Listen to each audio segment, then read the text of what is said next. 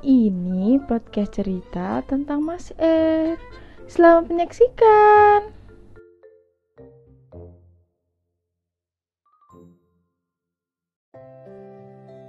Kau masih ingat gak sih pas bagi tajil kedua di bulan Ramadan masa pandemi?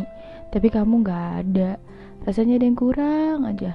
Pengennya yang kayak kemarin ada kamunya. Tapi gak apa-apa. Ya kamu kan ngajar yang penting. Tapi pas waktu anak organisasi nelfon kamu tuh rasanya seneng banget kalau kamu tuh nggak apa-apa.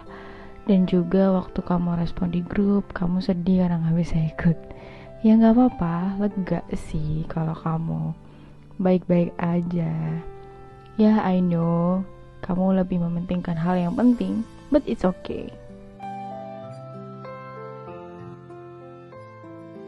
Segitu dulu ya cerita kali ini.